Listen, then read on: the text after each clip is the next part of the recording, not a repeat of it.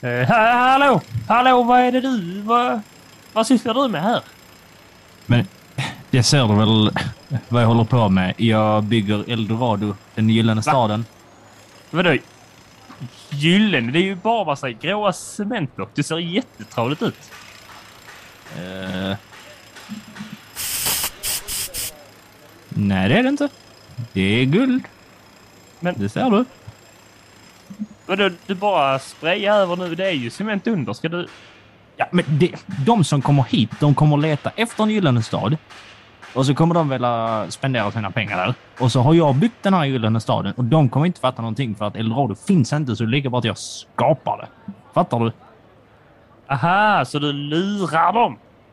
Nej, jag skojar lite med dem bara för e- egen ekonomisk vinning. Det är, det, det är en hårfin skillnad. Du fattar inte. Gå iväg och stör någon annan. Hitta på ett eget projekt. Okej. Ett ögonblick bara här. Ett ögonblick.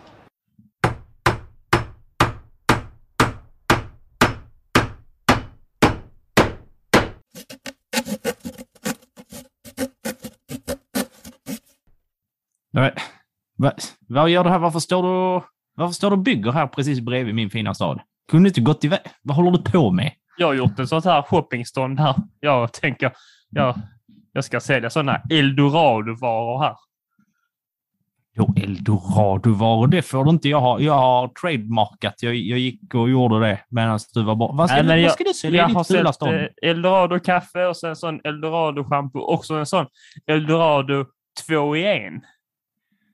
Vadå, Eldor- vad, är, det- vad är då två igen? Är det sån eh, sch- schampo till håret och kroppen, eller?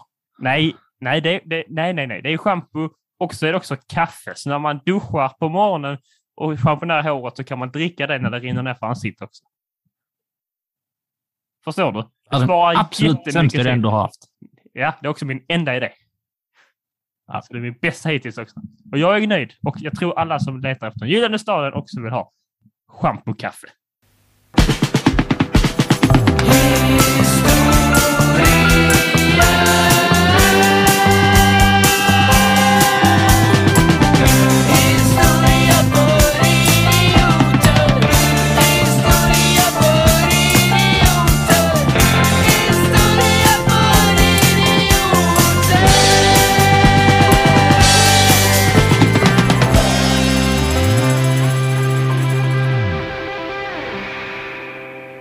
Kära vänner och hjärtligt välkomna till podcasten Historia för idioter med mig Teodor Olsson och min gode kompanjon Alexander Riedel. Podcasten om historia på ett lättsamt och roligt sätt. Välkomna hit och välkommen till detta Zoom-möte Alexander. Ja, vi är transparenta idag och berättar att vi ses på distans fortfarande även om pandemin inte är över men nästan är över eller vad man nu ska säga det. Hur mår du? Eh, jag mår bra för att jag kan se dig på Zoom så att jag behöver inte känna doften av dig och ditt äckliga Ah, Eldorado ah. kaffeduschkoncept. Så Det var, Jag tyckte jag var bra. Tänkte, jag drömmer ju om att ha liksom ett riktigt Melitta-filter till hår eftersom jag inte har hår. Så tänker jag att jag vill ha sånt Så. hår som kan liksom filtrera kaffe. Det är kul att du har drömmar och det är också tur för alla oss andra att du inte är uppfinnare av något slag. Hur, hur är det med dig, min uh, kaffefilter fetischerande kompis? Det är bra, det är bra. Jag mår mycket bra. Eh, har, eh, har trevligt här hemma just nu. Varit i skolan idag, lärt mig lite om det glada 20-talet. Men ha, satt jag där och skrattade inombords. Det har jag redan lärt mig av Alexander i något gammalt avsnitt av podden. Ja, ja. Så är det. Så är det. Så då sa du det till läraren. Det här är oviktigt och orelevant. Jag har redan lärt mig detta. Vilken strålande TU-imitation. Nej, faktiskt inte. Vi pratar också mycket om föreläsningar om mycket som hände i hela världen. Så det var lite Kina, lite Japan, lite Ryssland, lite Europa, lite Afrika och lite USA. Och där trillade en bok. Så nej. exalterad var jag så skriver och skakar. Ja. Eh, och idag ska vi ju prata om uh, ursprungsamerikaner. Eller hur? Det ska vi, ha. vi ska, vi ska Men- ha en specifik... Vi har, eller det ser ni i titeln. Ni ser det i titeln. Vilka Oj, oj, oj. ursprungsbefolkning vi ska prata om. För vi ska inte prata om alla samtidigt. För att vi klumpar inte ihop folk. För att vi Ja. tror på individualister i grupper och grupper som är individualister mot olika grupper. Gruppception. Okej. Eh, Men först så tänkte jag presentera förra veckans ljug. Yes. Många har gissat, många har haft fel, många har haft rätt. Eh, De flesta har inte gjort någonting alls. Eh, Men Alexander, du har gissat. Vad har du gissat på? Jag kommer inte ihåg vad jag gissar på. Jag gissar väl på något av dina, dina dumma du- fula hundar. Ja, du gissar på hundarnas namn säkert eller sånt. Eller mulorna kanske. Jag hade lite så tre eh, facts om George Washington. Det var då den ena att han var eh, första uppföraren av mulor, alltså häst och åsneblandning. Att han hade haft typ över 30 hundar som hette bla bla bla, jag kommer inte ihåg nu. Och att han ofta hade en monokel på sig. Eh, men det av någon anledning aldrig avbildades på bild. Och det sista då var ett ljug. Det var inte mycket roligare än så. Han hade ingen monokel. Jag vet inte, var den uppfunnen monokeln? Ingen aning. Uh, jo, det var den. Uh, Alex är proffs på monokelhistoria. Ja. Så jag tro, trodde han jag skulle har ta det. det själv har två monoklar i huvudet. Oj. Kan, man, kan man ha det istället för glasögon? Man har två enskilda. Det borde man kunna. Jag, jag, jag blev verkligen utsatt för en sån eh, Mandela-effekt, tror jag det heter. Du vet, så här, jag tror Mm. det började med att folk var så himla oens om Mandela, om han hade fräknar eller inte. Nej, det var man hade dött. Jag tror det är om hans fräknar faktiskt. Nej, Men det, det spelar, det spelar ingen Om du Det spelar det jättestor roll. Det var ju för att jättemånga människor minns att de som ett specifikt datum där de trodde att Mandela hade dött, för man hade pratat om det i skolan etc. Men så var, hade han inte dött. Nej, och nu har han dött. Så nu är de fräknar istället. Ah. Ja. Eller Ja, ja. har han dött? Ja, men att eh, man kan eh, vissa, vi, vissa saker och eh, symboler minns man. Man kan se dem tydligt framför sig och så är de inte så. Typ, är det inte någonting med... På tal om monoklar, är det, är det inte också en sån grej om han eh, monopolmannen, att han, Jo, att om han har en ha det. monokel eller inte? Men jag kände väldigt starkt att George Washington nu hade en monokel. Det hade han inte. det hade han inte. Så utsatt för vi- från Mandela-effekt. Ska vi förresten tala om elefantpansarvagnen i, i rummet också? Så att eh, folk vi inte undrar om vi... Eh, vill du eh, ta ordet? Ja, så folk inte undrar om vi är bakom flötet. Eh, vi tänker inte sticka under stolen att det sker saker ute i Europa. Rysslands invasion av Ukraina. Eh, man kan tänka sig att det kanske är, vore vettigt att ta några ord om det. Men vi tänker ju även så här att eh, vi är inte proffs på detta, vi är inga experter. Vi alla i Europa och i väst verkar ändå vara eniga om att det inte är bra, vilket det inte är. Eh, och vi tänker helt enkelt att se de här avsnitten som kommer framöver, kanske som ett litet andrum bara kunna lyssna och lära om annat. Liksom. Så att säga. Och eh, vill ni veta liksom saker och följa, det är viktigt, ni bör följa utveck- utvecklingen på etablerade nyhetsmedier som SVT, eh, TV4, Expressen, Aftonbladet. Inte sociala medier. Och där faller vi lite in i, i bilden ändå. Sociala medier, icke etablerade medier. Så vi tänker inte sprida någon information här, utan det tänker vi få proffsen göra. Och eh, jag har sett att det är många så här Swish-kampanjer, så tänk er noga för vilka så här, organisationer ni swishar till. För där finns säkert folk som är elaka individer eh, som tänker sno de pengarna själv. Så att eh, var noga med sånt. Tänk till. Ja, Och vi kommer heller, heller inte riktigt så dela. Eh, Vi brukar lägga upp eh, grejer på våra eh, stories, men vi kommer inte vara, dela så mycket, eller vi kommer dela ganska mycket, men det är vanligt flams och trams som i vanlig ordning. Vi tänker att det kan vara lite, lite trevligt för omväxlingens skull, nu när det är så väldigt mycket, så fort man går in på sociala medier så Ja, ligger det precis. en massa olika klipp och bilder och uppdateringar. Men hos oss får ni bara trams i stort sett.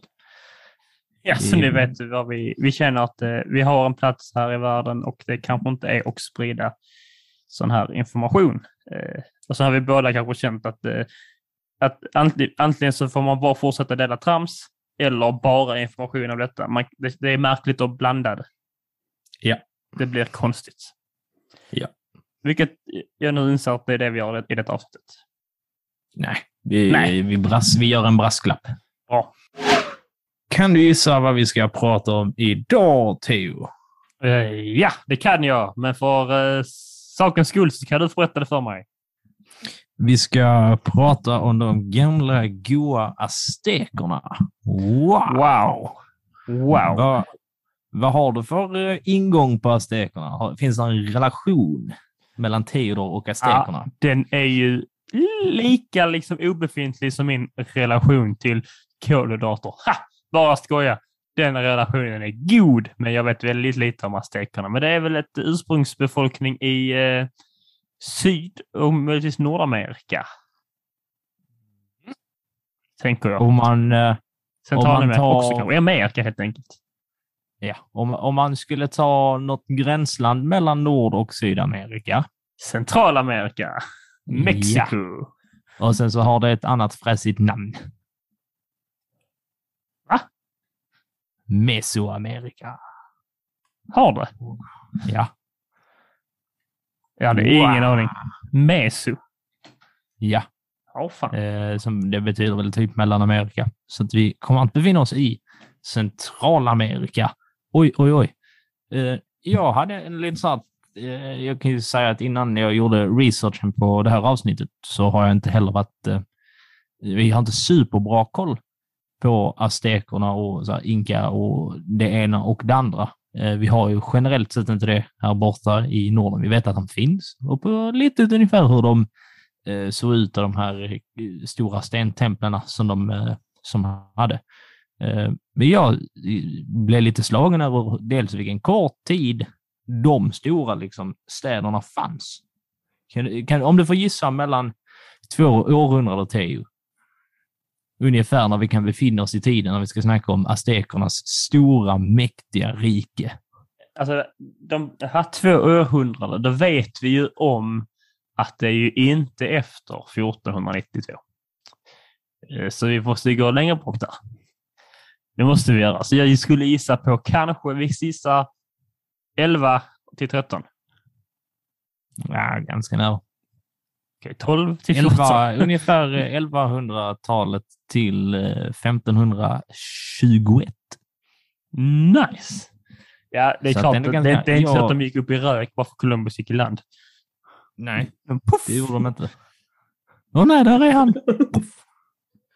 Ehm, nej, men jag har alltid tänkt någonstans när man ser de eh, så här, olika templen att det känns som att det borde vara mycket längre. Alltså att det känns lite som forna Egypten fast i en annan världsdel. Det är lite den eh, Ja, men faktiskt. viben man faktiskt. får. Man Så tänker inte blev- att de har funnits i samma tid som man har byggt eh, hus med halmtak här i Europa. Liksom. Nej, precis. Så att eh, där blev jag ja, men lite, lite chockerad. Man lär sig Ja. någonting nytt varje dag. Kanske ni Trilla andra av stolen. Eller så tänkte ni lyssnare så här, är han dum i huvudet eller? Och det är okej, det får ni tänka ibland.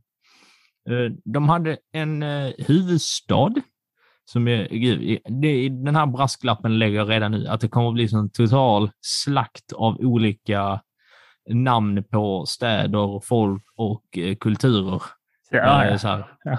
Det är förvisso lite standard i de här avsnitten att saker och ting uttalas inte som man tror Jag de trodde du skulle säga att det blev standard i ursprungsamerikansk historia.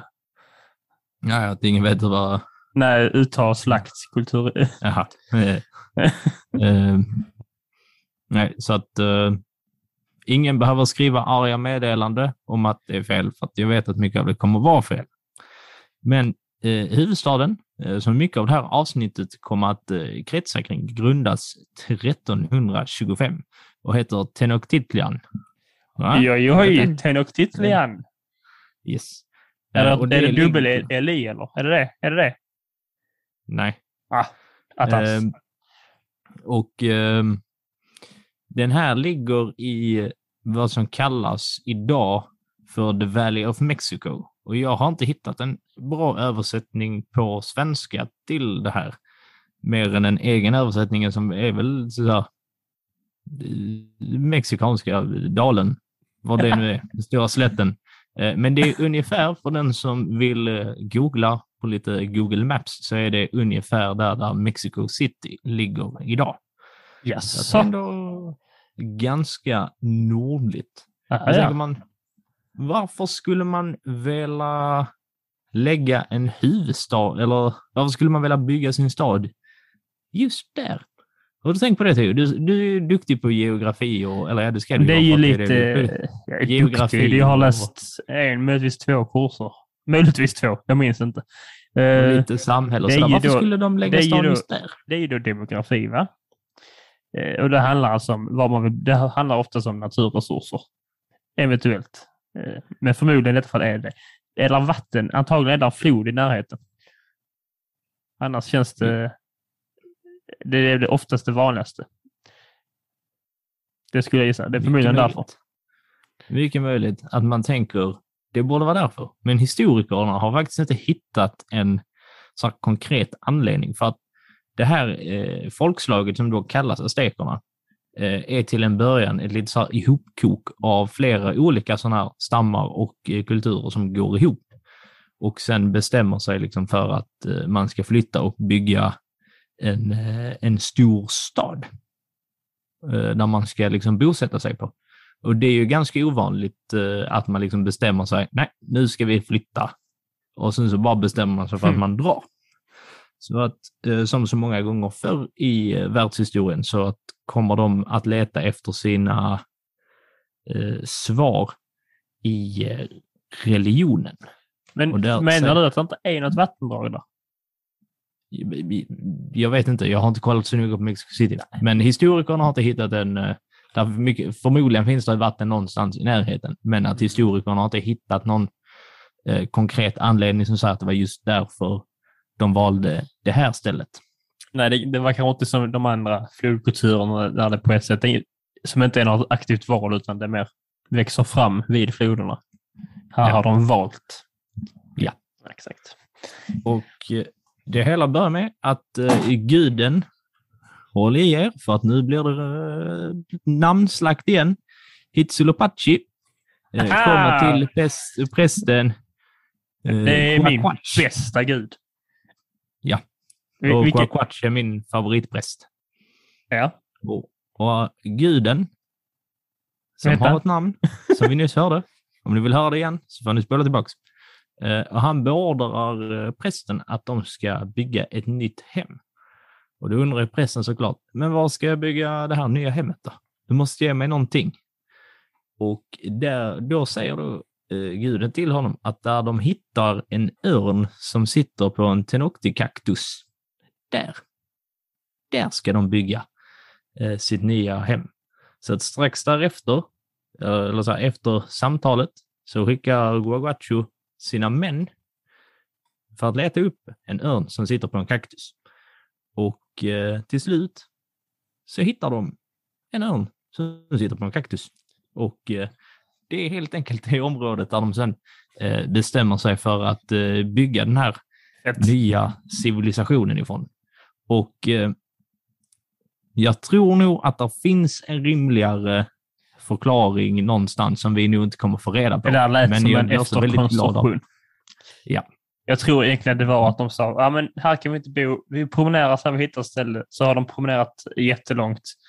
Och så ledarna bara, alltså jag pallar inte gå mer. Och så stannar de och bara, eh, här blir bra. Och så frågar folket, eh, varför det? Eh, jo, för att eh, den här guden sa till mig, just tittarna omkring, att om jag hittar en örn på en kaktus så var det här. Exakt så jag tror det var. Så de bara, pallar inte gå längre. Ja. Det är Un- rimligare ungefär så. är är rimligt. Så att det här folket, som då eh, från början heter Nuaftel, ungefär så uttalas det. Eh, de heter så från början. Eh, men det är nämligen historikerna och vi i efterhand som har eh, döpt dem eh, till aztek. Och det är för att aztek betyder folk från eh, eh, Aslan, som då var ett ställe som man tror fanns i norra Mexiko. Kan vad aztekerna kallar sig själva? Du sa ju precis det eller? Nej. Det är också ett namn. Utan vad de kallar sig själva. Ja? Hur ska jag kunna veta det? Du vet, du kan knappt... fråga om du vill gissa. Jaha, eh, Vad- vad de, be- de befinner sig i norra Mexiko. Här kallar de sig norrmexikanare. Nej, de kallar sig för Mexika. Mexika. nästan. Ja, att Wow, tack för att jag fick gissa. Wow. Vi är tillbaka i detta du slänger skitdumma frågor på mig som jag absolut inte kan ha rätt på. Är vi tillbaka i det nu? Typ som när du Ja. frågar vad Hitlers bok hette och sånt. Jättesvåra frågor. Det är som så här, vad, vad, hette, så här, vad heter den boken där, där Jesus blir korsfäst i? Hur ska jag veta det? Omöjligt. Vadå Bibeln? Är har jag talat om. Jesus. Eh, Men i alla fall, de eh, bestämmer sig för att eh, bygga sin stad på det här området. Däremot, lite som så många gånger förr i historien, att när man hittar någonting, ett trevligt ställe att bo på till exempel, så är det ofta den nackdelen av att det är några andra taskmörtar som redan har bestämt sig för att bo där.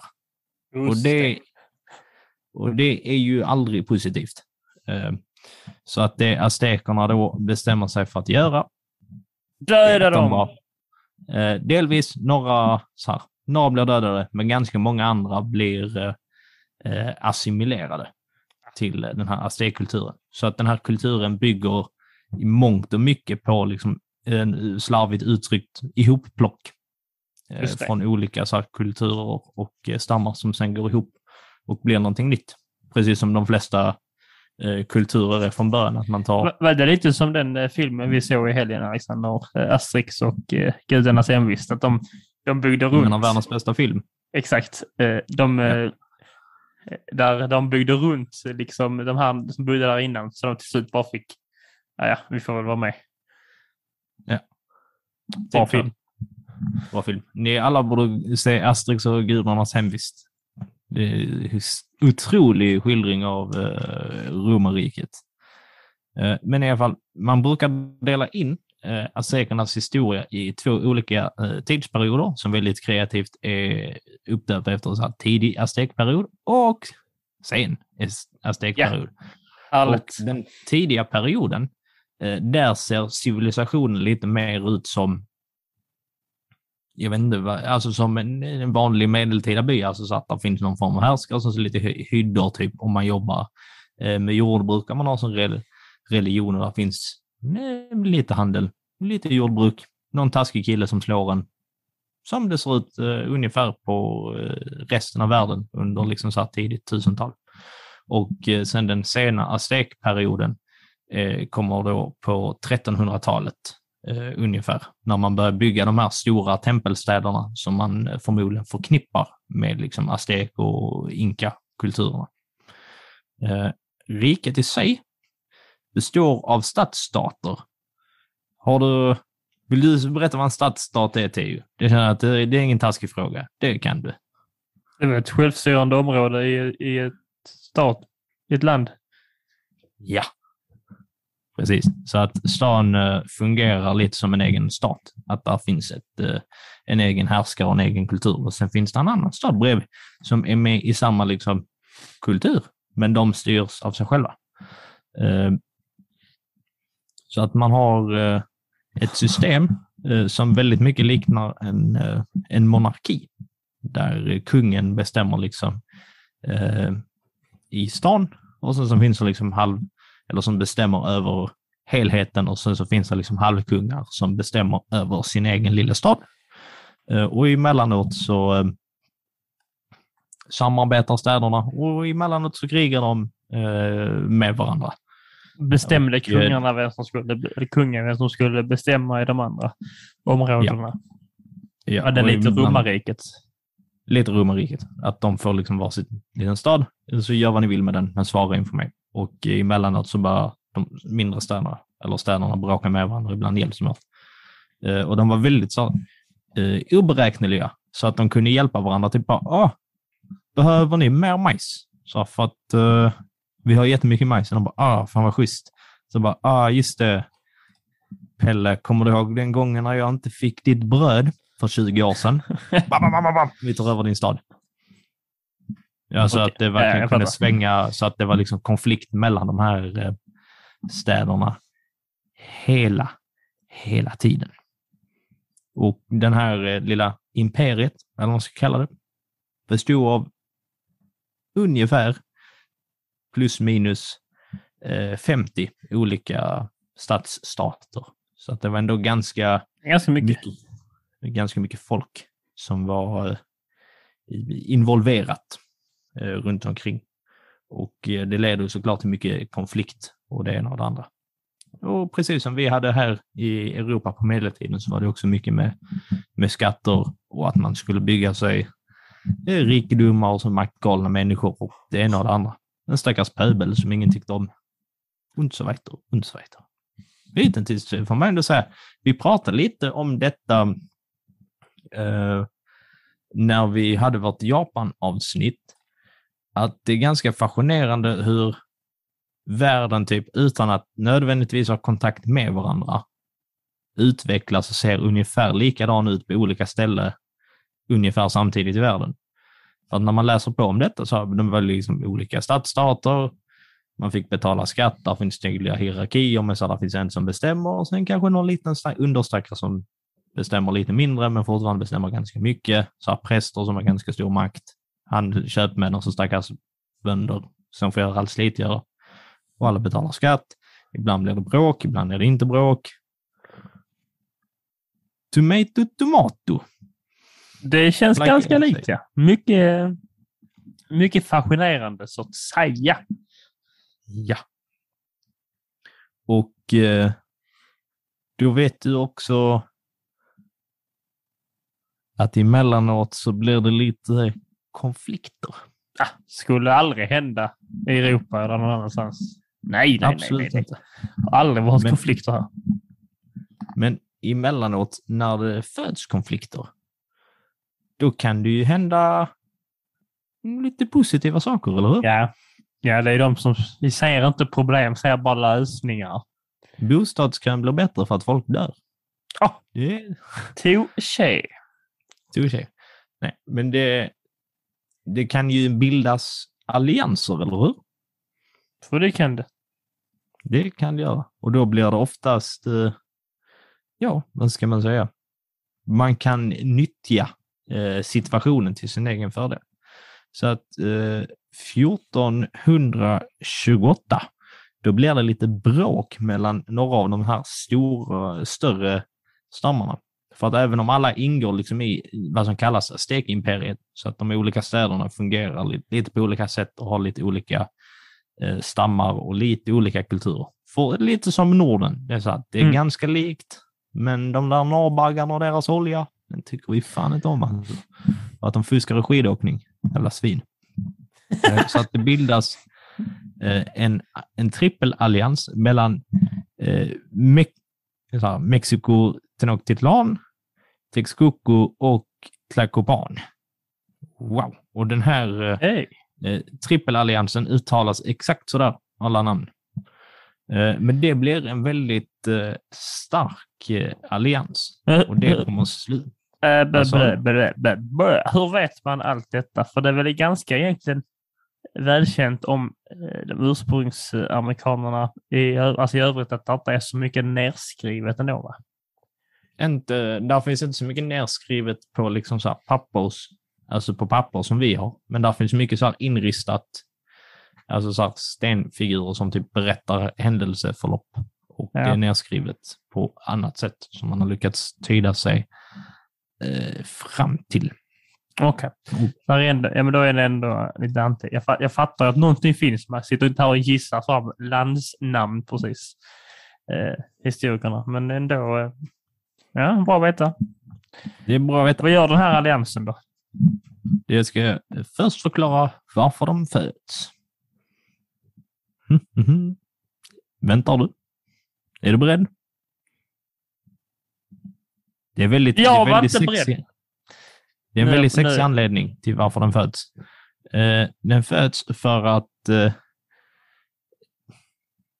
Tepanex Ah, ja, heter heter jag tycker, jag tycker Eh, om de Man ser bekymret att- i dina ögon varje gång du får... Jag ser verkligen, Ja. nu, nu ska du talas namn här. För du, eh, man ser depressionen bara byggas vidare. Att, ah, nu gör jag bort mig igen. Ja, jag vet att varje gång jag säger det så kommer, sitter någon i och bara skriker i hörlurarna hur det faktiskt uttalas. heter det är typ okej. Äh, Eh, kan du mm. inte det Alexander? Det heter Penix. Det kan till och med min farmor. Hon kan det. Eh, De försöker i alla fall att blockera Tenochtitlan eh, för att eh, de tycker att det är lite så för mycket skatt så att Tepanex vill, de vill tjäna mer pengar helt enkelt. Som för göra en skatteblockad. Eh, blockad. Men samtidigt så var de i fejd med så här Texcoco så att de försöker då liksom fly. Och eh, Mexikos eh, ledare Moctezuma, han ser liksom tillfället och bara Hej! Ni är också lacka på dem där borta. Vi med! Vill ni liksom... "Hej, Två mot en. Vi kan en hålla och den andra kan slå. Eh, och då känner Texcoco så här, fett. Eh, det vill, vill vi vara med på. Och eh, sen hittar de att uh, Takopan är också trötta på Tekpanex. Så att de vill också gå med i den här alliansen. Så att nu är det tre ganska stora liksom, eh, stadsstater eller stammar som går ihop eh, för att eh, slå ner en. Så att 1428, eh, då blir det krig. Och vem tror du vinner då? Är det den här alliansen, tror jag. Trippelalliansen som det kanske kallas. Det är tre stora. Tres Det är amigos. Ja, just det. Det är inte spanska där då. Nej. Nej. Jag var lite före min tid. Så att eh, de liksom går ihop, tjopp, slår ner eh, Tepanex och eh, den här Tepanex går liksom under och det fylls ett stort eh, eh, maktgap. Och eh, den här eh, Mexiko då, eller Mexiko, eh, är ju då det som vi kallar för aztekerna. Att de är då vid det här tillfället liksom mäktigast och har liksom störst militär makt och är rikast. Så att det blir liksom naturligt att de då fyller eh, maktgapet eh, som helt enkelt fylls. Wow. Och vad vill man göra när man har tagit makt, Teo? Man vill ta ännu mera makt. Man Oftast. vill ta ännu Oftast. mera makt. Så att eh, de eh, fortsätter med sin lilla maktallians och eh, skaffar sig allt mer och mer eh, makt och makt och blir väldigt, väldigt eh, stora. Eh, så att år 1458, eh, ungefär av att Aztek-imperiet, eller att det har funnits i ungefär 100 år, så har man gått från att vara ja, men en liten stad med lite höjder och sådär till att bli eh, det hittills största liksom, imperiet i vad som kallas för nya världen, alltså i Sydamerika någonsin. Wow! Varför är du inte Wow. imponerad? Ja, men det är jag väl. Jag är väl jätteimponerad. Nej, Det var ju fan på tiden. Ja, men oh, oh vad kul det är. Största någonsin. Herregud. Ja, det tro, trodde jag aldrig när de skulle ta de här eh, kakak... Vad heter de? Ja. Ja, de, de exakt. Eh, trodde aldrig det skulle gå så långt. Men de klarade. Heja, heja Mexika. Ja. Nöjd nu. Heja, heja Mexika, ni är bäst, ni är, är de bäst och sexiga. Heja, heja Mexika. Ni är bäst och sexiga. Ja. Busta rim. Ja. Gå vidare nu. Eh, Jag Ja. hoppas också att du Så att hoppas de då- verkligen att dina framtida elever kommer att randomly busta rhyme eh, det hoppas inte jag. Jag hoppas att de sig- gör det bättre än dig, sig- men det är inte svårt. Så Oj. Damp-Elias upp ra- random och börjar börja rappa om svenska, om grammar. Ändå så svenskuppgift här kan vara roligt. Eller? Nu går vi vidare. Nu är det sluttramset. Vill du gissa hur många som bor i det här magnifika riket? Oj, det är svårt. Mm. Ja. Det är mer än sju. Ja. ah, nio! Nej, men kanske... Ah, fan, det kan vara fan som helst. Vi säger fyra miljoner. Oj, oj, oj. oj. Det känns som Tre mycket. till fyra miljoner. Oh, Eh. oj, oj, jag har gissat så jävla bra på senaste. Alltså. Det är väldigt duktigt eh, av dig. Eh, och där då... Eh, den där staden som ligger i dagens Mexiko, of, eller i Mexico City, eh, blir liksom huvudstaden och eh, ett väldigt stort rike. Man börjar också att eh, eh, år 1440 så börjar man liksom utse, alltså att man har en eh, kejsare eh, över, som styr Mm. över hela imperiet. Och Ja. så har man då fortfarande de här halvkungarna som får styra över sina Just stadsstater. det. Just det. Eh, vill du höra lite mer om de här stadsstaterna? Ja, det ville du. Eller hur de styrdes. Eh, Det var spännande, men lite så här, så jag har förstått det rätt här nu alltså. Så det fanns flera olika stater i det här landområdet. Ja. Som, som alla ändå tillhörde samma kultur och ändå styrdes av en form av kung. Eh, sen började liksom de här staterna bråka och Mexika och två andra liksom så, "Ja, men vi gillar inte den här snubben här nere, så vi pangar honom och så blir Mexika bara, ah shit, det var nice, nu kan jag ta deras makt och så blir det mer makt och så nu, nu är det liksom som att Mexika har typ allt, fast med ändå småstater i sig. Japp. Wow, jag hängde med ändå. Ja. Jag är imponerad över mig själv. Ni är välkomna. Hur Varsågod. styrdes de här eh, små sta- städerna, småstaterna i staten så att säga? De eh, styrdes då av en eh, ledare som fick eh, titeln eh, Tokatani. Eh, och eh, då hade vi, som, som vi varit inne på flera gånger, att varje stad hade sin egen. Eh, Tokatani, han fick då utse egna så kallade dignitärer. Jag hör att det Mhm. blir lite samhälls och svensk begrepp här. Det är för att tydliggöra eh, lite och göra det enklare att förstå. Vad är en dignitär? Eh, de är liksom så här, det är lite en byråkratisk eh, roll. Okej. Eh, Så att man är liksom så här lite statsöverhuvud och kämpar med det ena och det andra. Man är helt enkelt väldigt nära till ledaren. Och de här blir oftast utsedda på grund av att de är väldigt nära ledaren. Så det kan vara både vänner och familj. Så att det är lite god och glad nepotism och liknande. Exakt. Härligt. Ja. det saknar man varje dagens samhälle. Det enda Ja. nepotismen vi har kvar det är ju familjen Wahlgren. Eh, och eh, sen finns det också eh, ett motsvarande adelsstånd som också jobbar lite så med byråkrati, lite militär makt, eh, lite bankliknande tjänster, eller inte riktigt bankliknande tjänster för de hade inget pe- penningväsen, men de står också för byråkrati och framförallt armémakt och den typen av titlar. Och vilka brukar mer finnas, Teo? Jo, såklart. De stackars jävlarna som inte får en rolig titel utan som får heta det, val, det allmänna folket. Höbeln! Nej, inte riktigt. Pöbeln kommer sen. Eh, vi har det vanliga folket först. Eh, och vad tror du de får göra i det här samhället? Jobba. Ja, och vet du vad de får göra när de inte jobbar? Jobba. Ingenting. Jobba, jobba, jobba, jobba. Ja. Får de betalt för Eh. det? Nej, förmodligen inte. Jo, eh, de får faktiskt eh, betalt. Det, de har det ganska bra ställt. Eh, Men man Ja, ville tidigt liksom att barnen skulle börja jobba. Så att vid femårsåldern ungefär fick man börja jobba. Kvinnor fick, som på så många andra ställen i historien, de fick hålla på med väveri och spinneri, laga mat och syssla med barnafödande. Ja. Medan eh, killarna då fick ta över ens pappas yrke. Så att de, pappan hade kanske varit något åt, jag vet inte, gjort vapen. Så skulle sonen också göra vapen. Det var inte så mycket om vad man vill och karriärmöjligheter.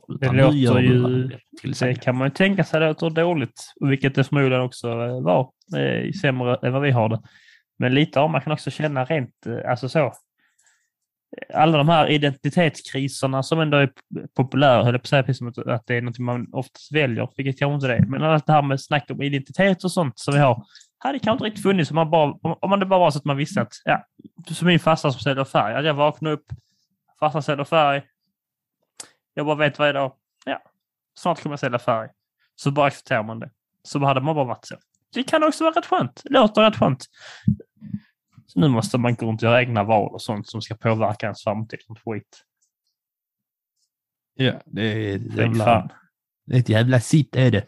Ett jävla sitt. Eh, man blev, om man var en så kallad vanlig människa, eh, då fick man också mark eh, liksom, och bostad mer eller mindre tilldelat sig. Så att man fick liksom, Nice. ja, men du kan bo här, här är lite mark så att du kan odla mat och så att du kan betala eh, skatt. Och skatten betalas då liksom i eh, naturtillgångar, i så kallad natura, eh, till ledaren i staden som i sin tur betalar sin beskärda del till någon form av överhuvud, eller vad vi skulle kalla för kejsare, som bestämmer över allt och alla. Ehm, och då kommer vi ner till dina kompisar, uh, pöbeln, som du hejar Ah, så glatt för. Alltid. Jag och pöbeln. Det heter min självbiografi.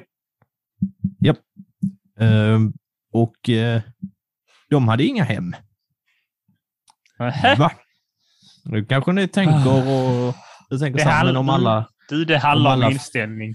En parkbänk kan man också kalla hem. Om alla fick ett hem, hur blir man då hemlös? Har de tappat bort sitt hus? Låst ut sig själv? de ingick väl inte i alla? Eh, jo, eh, alla ingick i, faktiskt i alla. Eh, problemet var att eftersom det var så många inre stridigheter mellan de olika stadsstaterna eh, så hände det ju ibland att folks städer och hem blev förstörda och man var tvungen att fly. Och då fick man ju fly till en närliggande stad. Och där var det inga så här, som sa ta ett hus, utan det var så här, gå och sätta dig i smuts eller något. Ja, då var ju husen redan upptagna. Ja. Just det. Just det. Så att de kunde tyvärr inte få några säkerhetsut. Vad brukar också finnas i de lite så här före 1995 års eh, så här stadsbildningar. Kanske än idag lite beroende på hur man ser det. Slavar. Ja. Tror du det fanns slavar? Ja, det tror jag mycket väl. Tror du de hade det jättetrevligt? Nej, jag skulle inte tro det. Jag tror de har mycket att stå i. Eh, De hade det ganska trevligt. Nej, Faktiskt. skitsnack. Alltså allting är ju relativt. Ska du Eh, tala för dem eller? Ja. Okej. Du klagar inte på att jag talar för de andra innan. Så att, Nej, det är sant. Ehm, men de här eh, slavarna, eh, det, var ingen, det var liksom inte hugget i, i sten. Att eh, så här, bara för att det var en slav så behövde du inte vara det liksom livet ut. Och där fanns inga sociala vad heter det? komplikationer med att födas in i en slavfamilj. För ofta så kunde det vara så att de som var slavar antingen hade, hade de kommit till den nya stadsstaten eh, som en krigsflykting eller krigsfånge och sen blivit släppta. Eller så kunde det varit att någon hade blivit liksom, eh, dömd eh, för något brott. Att de var lite småkriminella. Eh, och då blev man slav. Men det behövde inte innebära att ditt barn skulle ha det dåligt. Så att det var liksom inga större bekymmer att vara slavbarn. Och eh, man kunde klättra liksom i den sociala hierarkin eh, genom att göra ett, eh, ett gott jobb, göra rätt för sig. Och de fick, eh, slavarna fick ha eh, egna, eller så här, inte, de fick ha egna pengar i den mån som det liksom fanns pengar och eh, bytesvaror. Och de fick också ha hus och bilda familjer och vara med i liksom eh, samhällslivet. De var inte helt utstötta. Det var mest bara att de jobbade åt någon annan. Det kunde också vara så att, den, alltså att pöbelsfolket blev slavar för att kunna få liksom husrum eh, och någonstans att jobba. Ska man ha slavar så är väl det det bästa sättet att ha det, Ja. tänker jag. När, eh, när spanjorerna sen kommer till eh, Sydamerika så blir de väldigt chockerade över hur pass väl man behandlar slavarna i samhället. Just det är det. ju ändå kudos. Eh, vill du höra lite mer om det trevliga stadslivet? Absolut. Hur levde man? Gick man ut på dans och kultur? Hade de några Ja. amfiteatrar? Vad gjorde de, Alexander? Hade de uppfunnit någon form av förhistorisk bowling? Nej, förmodligen inte. Inte långt ifrån. Åh, jag är så jävla bra på att gissa idag. Det är helt sjukt. Nej, det var mest bara att det var en sport med en boll, Ja, du. vilket är ganska många sporter. Bowling är visserligen en klot, va? Och klot är format som en, Rund cirkel. till skillnad från fyrkantiga cirklar. Men man hade en sport där man inte liksom så fick eh, nudda marken och så hade man en boll så skulle man då kasta, sparka, nicka in den i liksom ett litet, eh, lite, lite, lite, en cirkel typ. Så här. Eh, Tänk en korg, alltså så här, basketkorg utan några liksom nät och sen så sitter istället, alltså att man har vänt den ett halvt varv så att den sticker liksom ut från husväggen och är lite sned så att det ska vad kasta. fett. Så fick man inte nudda marken. Nej, så att jag fick springa på eh, byggnad, alltså byggnader och eh, lite sånt där. Och, Byggnader. Och var man, eh, Vilken jävla dundersport. Fy fan vad nice. Det är som, eh, det är som parkour och basket blandat med vatten. Jag vet inte är vattenpolo, men jag vet inte. Fotboll och jag vet, det var det bästa jag hört. ja, det sägs att den här sporten är liksom föregångare till typ basket och fotboll och andra sporter. Ja, Vill, vill du veta vad som hände med, vad som kunde hända med det förlorande lagets lagkapten? Dog. Ja, han blev halshuggen. Fy fan. Varför då? Det är så himla överdrivet. Varför ställer man upp då? För man tycker att sporten är så jävla rolig. det är ändå ett bra sätt att bli med sådana riktiga eh, idioter som tror de är bäst på saker och ting. Jag ska göra ett lag nu. Vi ska spela det här eh, parkourboll. Ja, jag ska vara kapten. Men du kan ju dö om ni förlorar. Jag tänker inte förlora. Jag har fan blivit dumpad av Felicia. Jag har inte att leva för. Jävla Och så kommer. Felicia, nej, Jesper. vanliga, vanliga namn i Mexika. Uh, hör och häpna.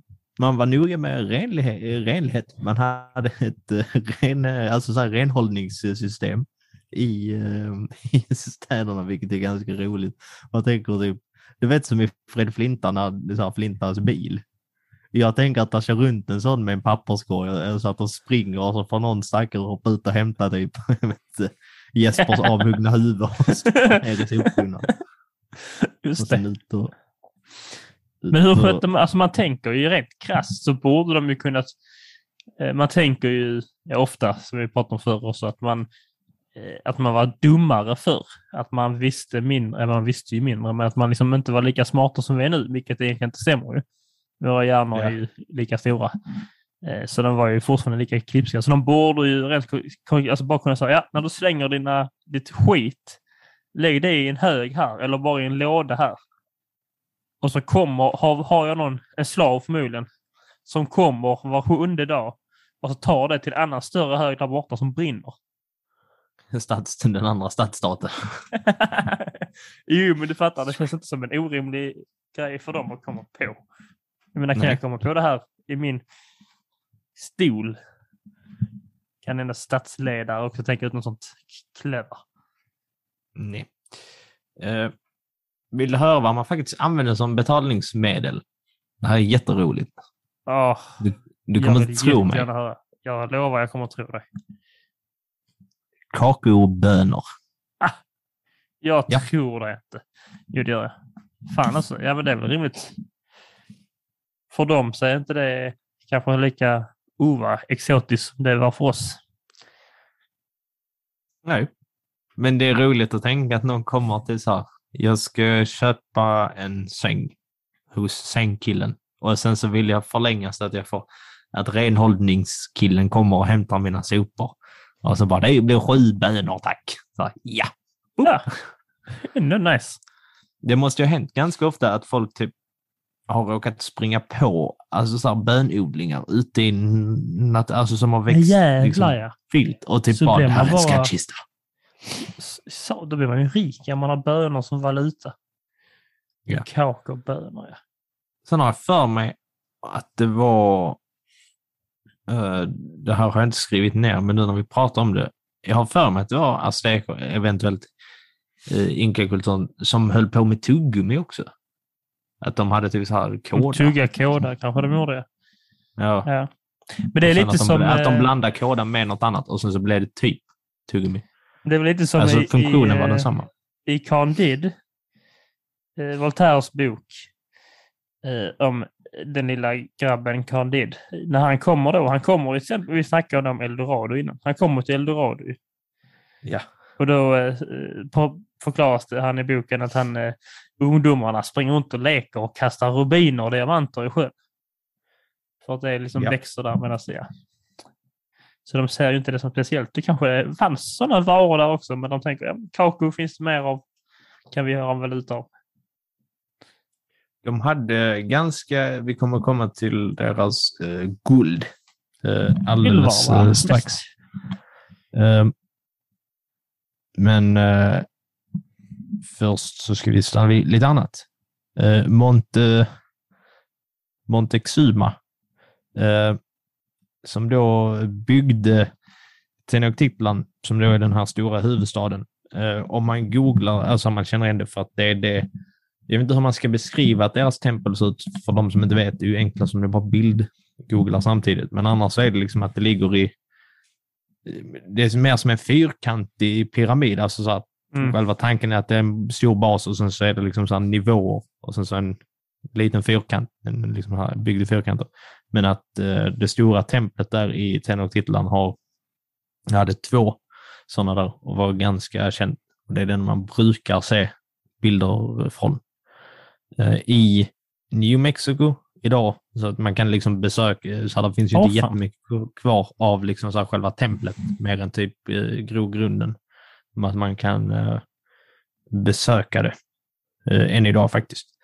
Eh, vill du veta vad man behöver göra när man bygger ett så stort tempel? Eh, ja, ja, det vill jag. Jag kan gissa att man behöver då uh, antingen få skaffa pengar. Uh, och Eh, då så här bönor. folk. Bönor ska, måste man skaffa. Och så måste man väl skaffa slavar. Eh, förmodligen. Men du glömmer en viktig, man behöver en lite sån här eh, lucky charm. Man måste ha gudarnas tillåtelse och liksom göra dem glada. Hur, hur Ah, tror du man gör det? det. Man offrar. Ja. Vi, och vet du vilka man valde att offra? Eh, de här eh, andra statser som man tog över sen innan. De här texikan eller vad de heter. Nej, nej, nej, det är fan bara elakt. Eh, istället så valde man att man offrade barn. För att man anser att deras tårar, alltså så att gudarna gillar deras tårar så när de grät. Så offrar man dem. Och sen Kunde man inte bara så... slå dem åtminstone? Eh, Så Om det tårarna denna? de åt. denna tycker jag så här, den är så hemsk att den är, liksom, den är lite smårolig. Eh, man tyckte också om att offra liksom missbildade människor. Ah. Alltså folk med puckelrygg och så folk som typ föddes med liksom så här, kanske för många fingrar eller liknande. Eh, Snedögda och stela människor. för man trodde att de hade magiska krafter som inte kunde liksom få ut. Så att magin satt liksom i puckelryggen eller ögat som inte kunde titta rakt. Så de, Vill gissa? de blev inte hyllade för det, utan de är så... Äh. Ja. Det känns ändå som, om man tror att de var magiska, känns det ändå som att man ändå vill... Och då måste vi liksom värna av dem så att eh, magin flödar ut ur puckelryggen. Nej. Nej, de tänkte fuck you. Ja. Vill du, kan du gissa hur många, det- alltså så här, till det här bygget, hur många som offrades? I 73. Vilken tam gissning. 73 000. Nej, för nu överdriver du. 20 000 offrades eh, Exakt. till det här bygget. Eh, Och tydligen så det var så många människor som skulle offras att där stod typ motsvarande präster och liksom verkligen bara offra folk på löpande band så att de skulle hinna. Folk hade typ en heltidstjänst och bara typ gå ut men och bara så. Vad... Sen skulle bara slakta människor. Det är riktigt nasty. Ja, men det är så, så Alltså, tänk- Vad är det som får också att man, någon har bestämt att vi måste offra mer, så har någon fått jobbet, ja nu ska vi hitta en till att offra. Så vi går in och bara så. Eh, Hej, är din, eh, är din son handikappad eller så? Bara, Nej, det är han inte. Och så har han precis slått tån i, eh, i sängen liksom, så han kommer ut ur rummet haltandet. Haha, jag ser det allt! Han kan inte gå, den lilla rackaren. Så tar de honom och offrar honom. De väcker någon som är duktigt bakfull. Så att du kommer ut och du vet, så här blundar på ena ögat och typ bara... Eller så säger Han alfabetet kommer gudarna baklänges. bli nöjda med. Ja, men det är så sans. Sen speciellt när man tänker på också att Eh, Jag vet inte varför, men att av det känns som att det, det här kommer låta jättefel. Men det känns som att det är lite enklare och kanske trevligare för bödlen att avrätta folk när man har typ en pistol. Ja, det har de inte. än här där man typ måste ha någon sån här dolk och typ så i skära halsen. Undrar, var det så här eh, Paralympics uppfanns? Att man, man fick tävla? Alla, alla som var lite, hade de här magiska krafter inom sig fick tävla och vinnaren slapp offras. Vad tror du om den teorin? starkt. är det sant? Eh, innan vi tutar, eh, tutar vidare eh, så vill jag säga något annat som de var väldigt duktiga på, eh, aztekerna. De var väldigt duktiga på att liksom odla så att man odlade framförallt bomull och potatis och tobak. Och nu jävlar eh, sitter, du, eh, så här, sitter du ner i båten. Ja, det tror jag. Ja. Okej. Eh, för att de kom på liksom så snus. Va? Ja. Så de kom fram Nu lyssnar alla odla- grabbar. eh, odla fram snus. Alltså så som vi snusar idag. Och Va? det fanns till och med liksom så folk som hade liksom så snusaffärer. Nej. Men att det Swedish. ansågs vara barnsligt att snusa, så att det var typ bara barn som fick snusa. det, istället för Swedish match hette det Aztec match. Azteca match. Eller? Ja. Fy fan vad ballt. Så jag tänker att innan vi går vidare till nästa segment så, så tänker jag att vi ska eh, lite så här avrunda. Eh, för det som jag har lärt mig eh, nu när jag har eh, så här, sökt och letat lite kring aztekerna, de är inte djupdykt, men det kan vi mycket väl göra liksom i framtiden. Men det är att deras motsvarande medeltidskultur skulle man kunna jämföra med, för det Mm. passar överens med vår tidsräkning här i Europa också, att den är ganska så lik vår egen. Det finns väldigt många likheter. Jag tycker det känns som att det finns mer likheter än konkreta skillnader. Det är som att man hade lite samma system. Man hade lite samma klasser. Man hade några sjuka sporter där folk blev halshuggna. Und so weiter, und so weiter. Ja, och så helt oberoende till varandra. Det är helt Karol 1 faktiskt. Det är riktigt toppsås. Det är riktigt toppsås. Så det, var- det var väl eh, ungefär det som vi hade på eh, aztekerna. För att det här riket finns ju egentligen bara i 200 år. Det är lite. innan det går under.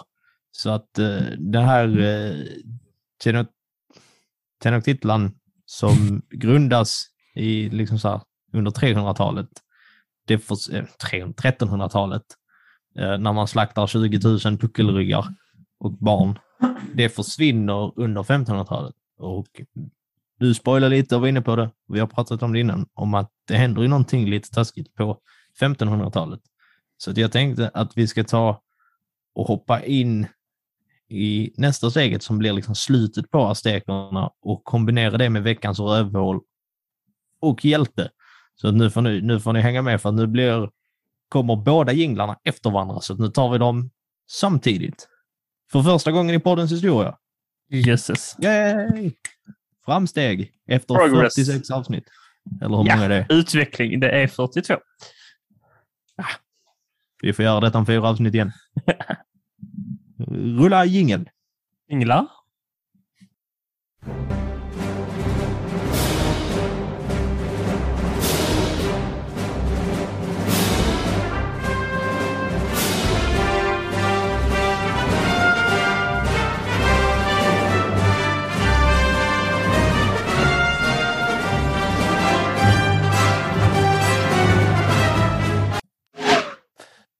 Slut på jinglar.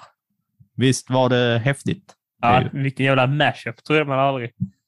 Kalla Det var mig inte- DJ... Vad ska man kalla mig? Jag vet inte. Nej, det gick inte hem. Jag kom inte på någonting roligt alls att säga om det.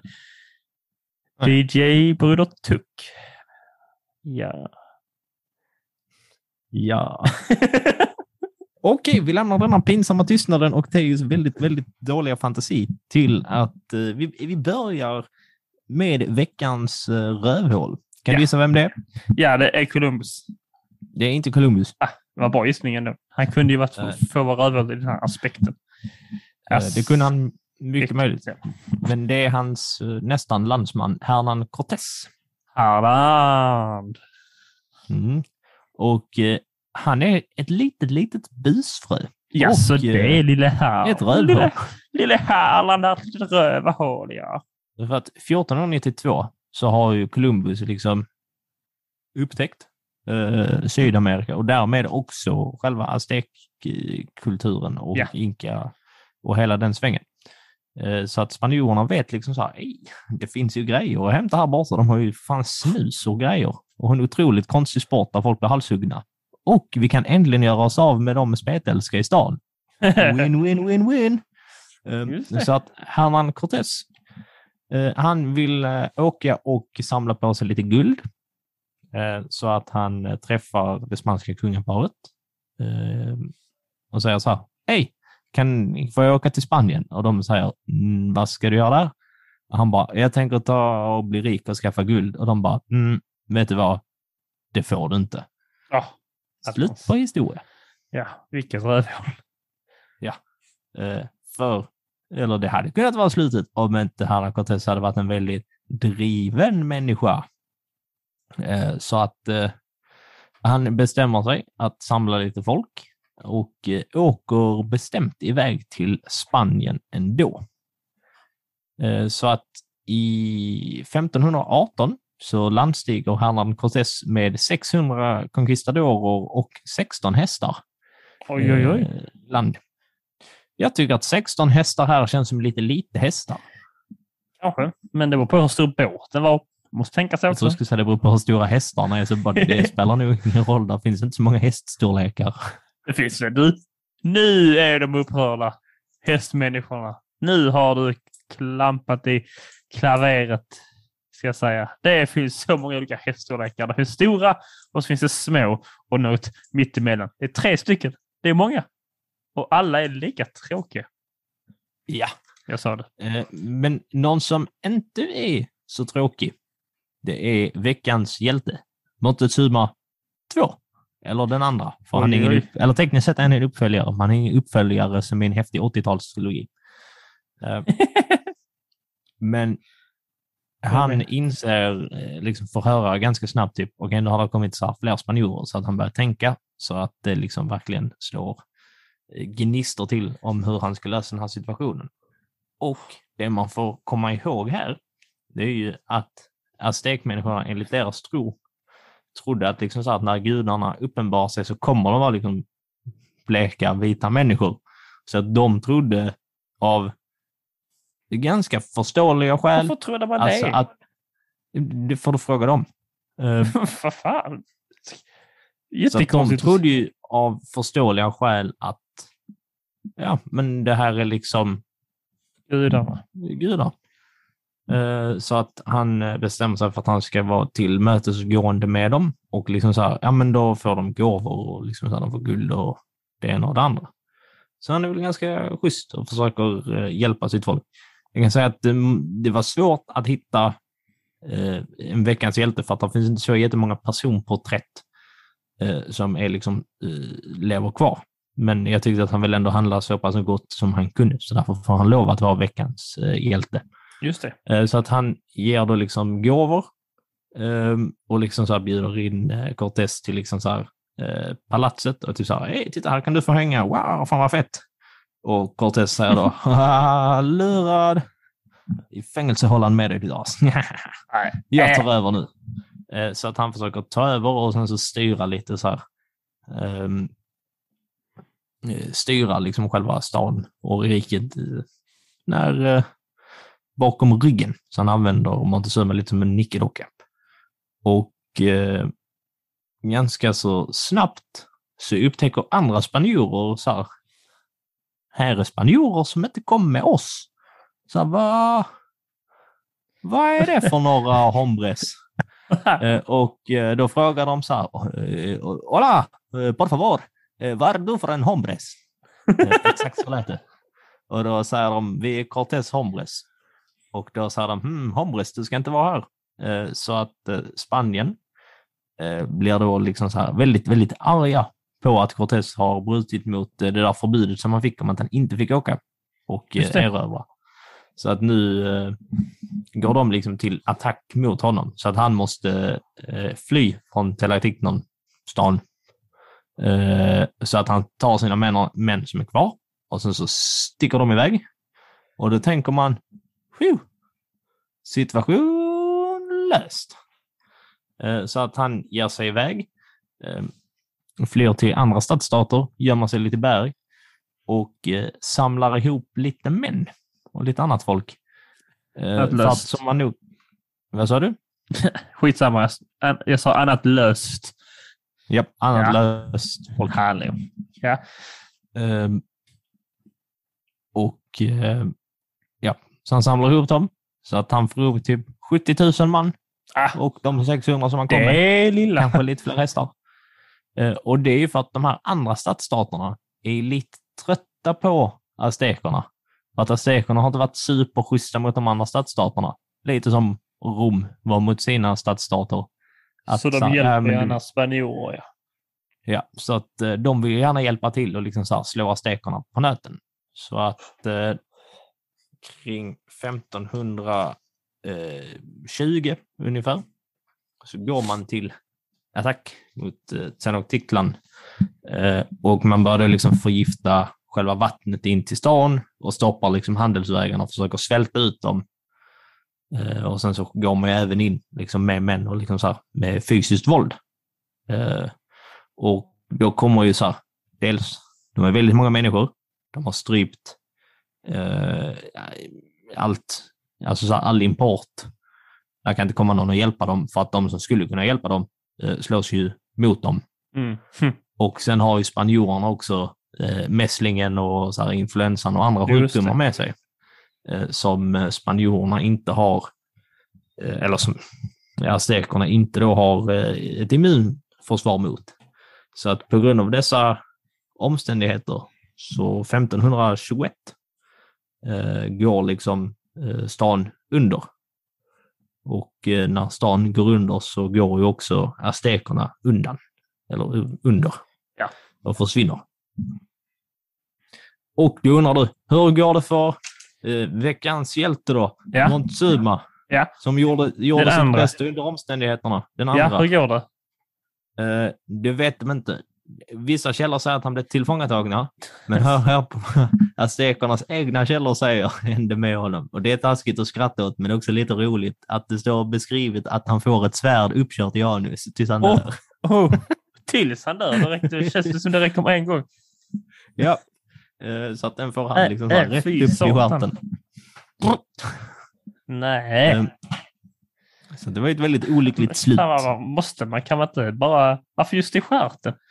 Jag vet inte. Det finns jättemånga Det var- andra sätt att döda någon på. Det känns så Ja, jävla de- banalt. Bara, ja, döda honom. Och så går någon, går någon ner där bara. Ja, hur ska jag göra detta idag? Ah, jag testar en ny grej. Ja, det låter absurt. Jösses. eh, Så att så gick det till, kära lyssnare, när uh, aztekerna Vini Vedi Kabutski. Jag tänkte på det här med att de, att de tänkte att deras gudar skulle vara ljusa i hyn. Det måste, kan det, eller måste, ska säga, men kan det vara att de tänker att de ska lysa som solen? Det är mycket möjligt. vitt sken. Och så kom det någon som eh, åtminstone var, alltså jämfört med dem förmodligen mycket vitare. Och då kände man bara, ah, close enough. Uh, nära skjuter ingen hare och Montezuma får svärd i analen, som Ja, man brukar säga. som de gamla stekarna brukar säga. Ja. Nära får man ingen svärd i analen. Men det, det, var, det var det vi hade på dem. Uh, Inte klokt. väldigt övergripande, men det är också det den här podden är. inte Den är övergripande. Ja, det Då är fick det. ni lära er att aztekerna och deras eh, korta, intensiva, mäktiga rike ganska Alltså- likt vår egen medeltid. Varför låter över, ordet övergripande kriminellt? Jag vet inte. Visst gör det det? Ja.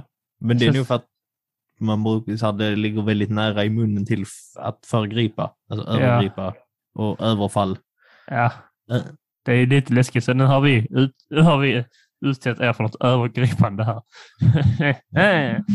Ja, ta det som ni vill. Helst som det är information. Ja, mycket spännande att se hur det liknar vår egna, eh, vår egna, men Europas också och resten av världen. faktiskt.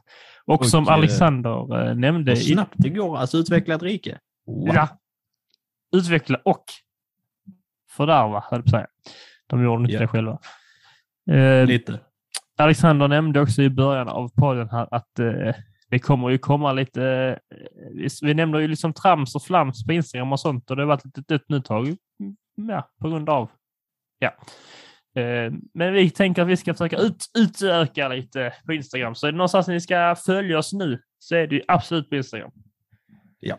Få lite kanske historiska memes, lite historiska berättelser, lite bilder på historiska byggnader vi går förbi som vi tycker är fräcka. Eh, lite annat, eh, lite fun facts i vardagen så att säga, när ni sitter och scrollar på dass innan ni går och lägger er. I tanken. Och lite fler inlägg än bara när det kommer avsnitt. Ja. Och följ oss även på Spotify, Acast, Podcaster. Ge oss en liten eh, stjärna där, hade varit trevligt. Och berätta för en kompis. Ja, er kompis Lennart sitter hemma och tänker jag har ingen podcast att lyssna på och min vän har inte sagt det till mig. Och så kan du vara den vännen och vara hans veckans hjälte. Det är upp till dig. Exakt. Och eh, förhoppningsvis så får du inget, eh, inget svärd i analen. och på de orden. Alexander. Eh, du gl- glömde du inte säga vart man kan följa oss? Vad vi heter på Instagram? Jo, det kanske jag gjorde, men vi heter Historia för idioter på Instagram. Men det tänker jag att det, det Det listar man ut ändå. Det fattar ni. Ni är ju Ni inte, fattar. även om vi gör historia för idioter så är ni ju inte idioter. Det vet vi också om. Men det säger vi inte till någon. Vi lovar. Ni är snälla och glada och helt underbara och hipp hurra.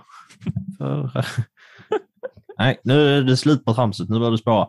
Eh, tack för att ni har lyssnat. Det är kul att vara lyssnade. Kom ihåg att all historia är värd att snacka om och tramsa lite om. Och nu i vanlig ordning ska Theo spela en riktig jävla banger för er. Hej då! Aztecs? A fierce people with an empire stretching coast to coast. What we now call